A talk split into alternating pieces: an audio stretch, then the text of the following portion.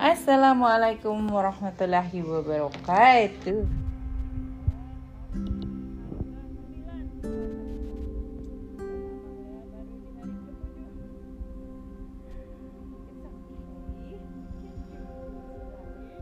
Oke. Okay.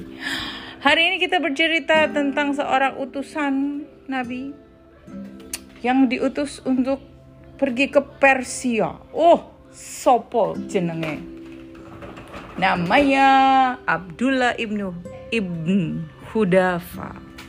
Kalau kalian cek wikinya ya, di wikinya itu lebih komplit lagi dari story ini. Di sini dia nggak terlalu uh, mendalam, tapi uh, you get the point ya. Hmm. Abdullah ibn Hudafa, day 78. Abdullah ibn Hudafa was a companion of the Prophet, of course. He was chosen to take the Prophet letters to Khusro Parves, the king of Persia. Itu um, namanya Heraklius ya kalau nggak sa kalau nggak salah ya uh, kingnya. Abdullah ibn Hudafa got his camel ready and uh, bade farewell to his wife and son. Bade itu ask dia minta uh, uh, goodbye dulu ya sama istri dan sama anaknya. Then he set out alone on a long journey to an unknown land. Now we don't know ya apakah dia pakai map, apakah dia pakai bintang ya kan. Secara zaman dulu umat Islam uh, biasanya pakai bintang-bintang kalau mau pergi ya. Traveling for weeks. Weeks itu berminggu-minggu ya. On and through the desert. Careful desert and desert sama-sama with double S itu yang buat makanan. Kalau desert itu padang pasir oke okay?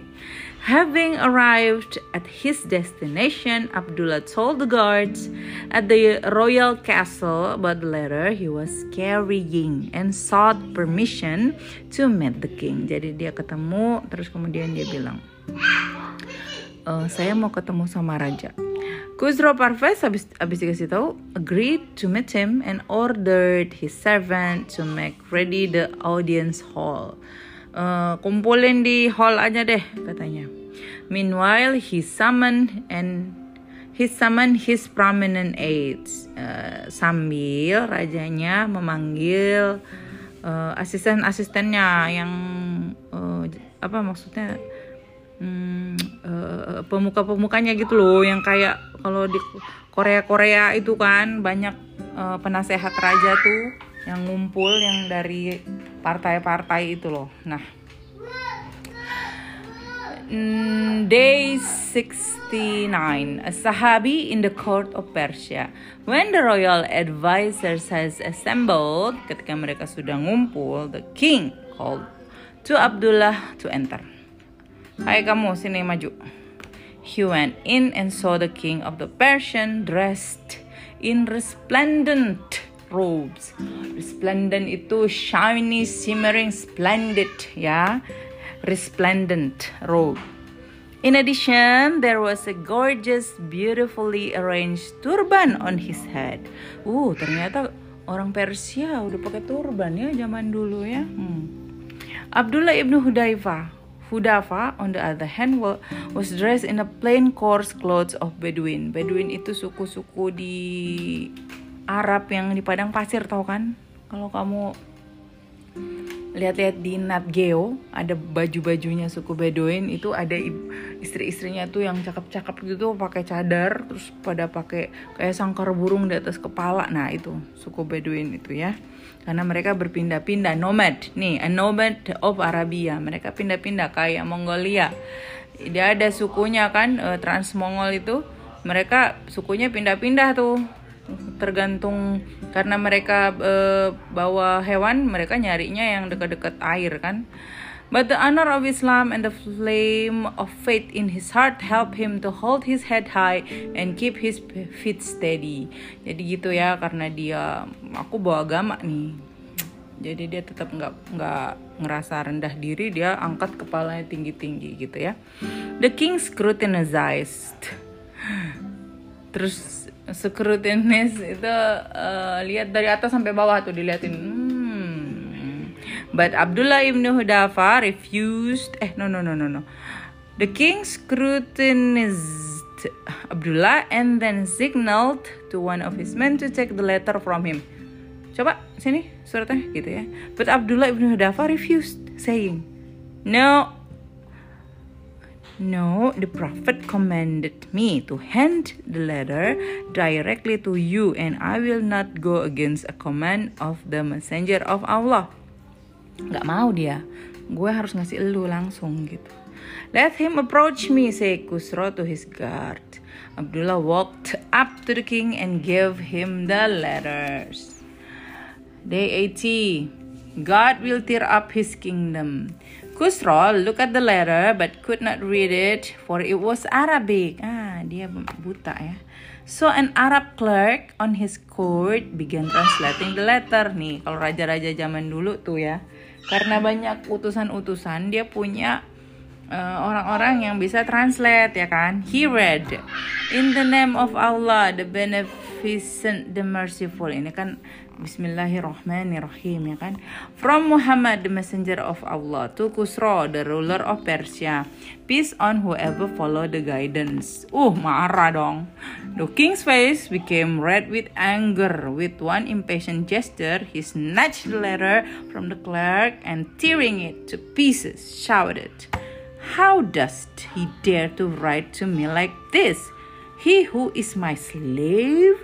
Dia nanya, kurang ajar benar dia bilang aku begini he was furious that the prophet had not given him due importance in his letter he promptly ordered the guard to expel Abdullah from his assembly hall.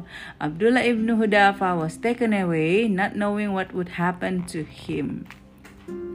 Nih, nih, nih, kalau di sini cuma sampai di sini aja dibilang back in Madinah, Tuh, Abdullah narrated to the prophet who how Kusro had torn his letter of pieces. Jadi gini, ini ini pas dia udah pulang. Jadi sebelum itu dia itu disiksa sama si eh, Heraklius ini.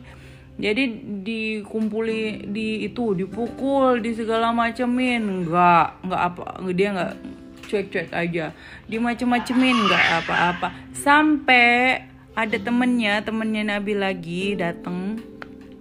Sampai katanya temennya itu dibakar apa diapain supaya dia mau nyerah. Nyerah tapi dia cuma nangis gitu. Terus ditanya sama si um, rajanya kenapa kamu nangis? Kamu nyerah? Kamu nyerah? Enggak dia bilang saya nangis karena uh, karena kita punya agama. Jadi saya percaya dia itu syahid gitu uh, teman saya itu syahid dan uh, saya minta maaf karena dia berkorban gitu loh demi agamanya gitu. Nah si raja ini begitu terus sampai ya dia bilang saya saya mau uh, kalau kamu cium kepala saya saya bakal uh, apa ya bebasin uh, saya bakal nangkep apa ngapain gitu 60 kali gitu. Sampai dia ngomong itu sampai 300 kali. Kalau kamu cium kepala saya bla bla bla bla. Dan bla bla bla itu sampai enggak diidahin sama si Abdullah. Sampai dia dipukulin dia apain segala macam. And then datang yang teman-teman lagi, companion lagi uh, ngebebasin dia dan dia bebas. Nah, itu pun pas dia bebas baru dia cerita tuh sama Nabi.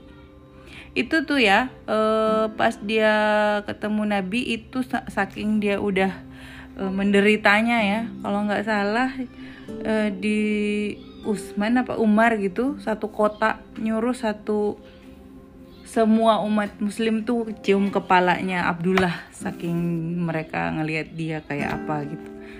Nah, terus di situ Abdullah narrated to the prophet how Kusra had torn his letter of pieces. God will tear up his kingdom kata kata Nabi was all that the prophet said in reply. Cuma itu doang.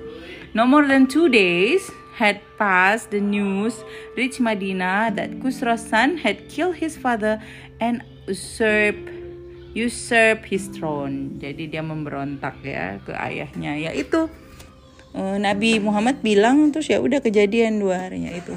Nah, di sini sebenarnya diceritain pengorbanannya pengorbanannya Abdullah ibnu Hudafa dia nggak dia ngejaga betul uh, amanahnya Nabi untuk nggak mau gitu. Ini agama saya walaupun saya dimatiin ya udah gitu. Nah gitu. Dan dia terkenal gara-gara itu ya. Nah oke. Okay. ini amalnya baca tiga ya karena uh, Abdullah ibnu Hudafa cuma sampai di sini aja. Nah selanjutnya kita nanti ke Said ibn bin Zaid. Zaid bin Zaid Said ibnu Zaid. Gitu. Lanjut lagi ya nanti. Oke. okay. Thank you. See you soon. Bye.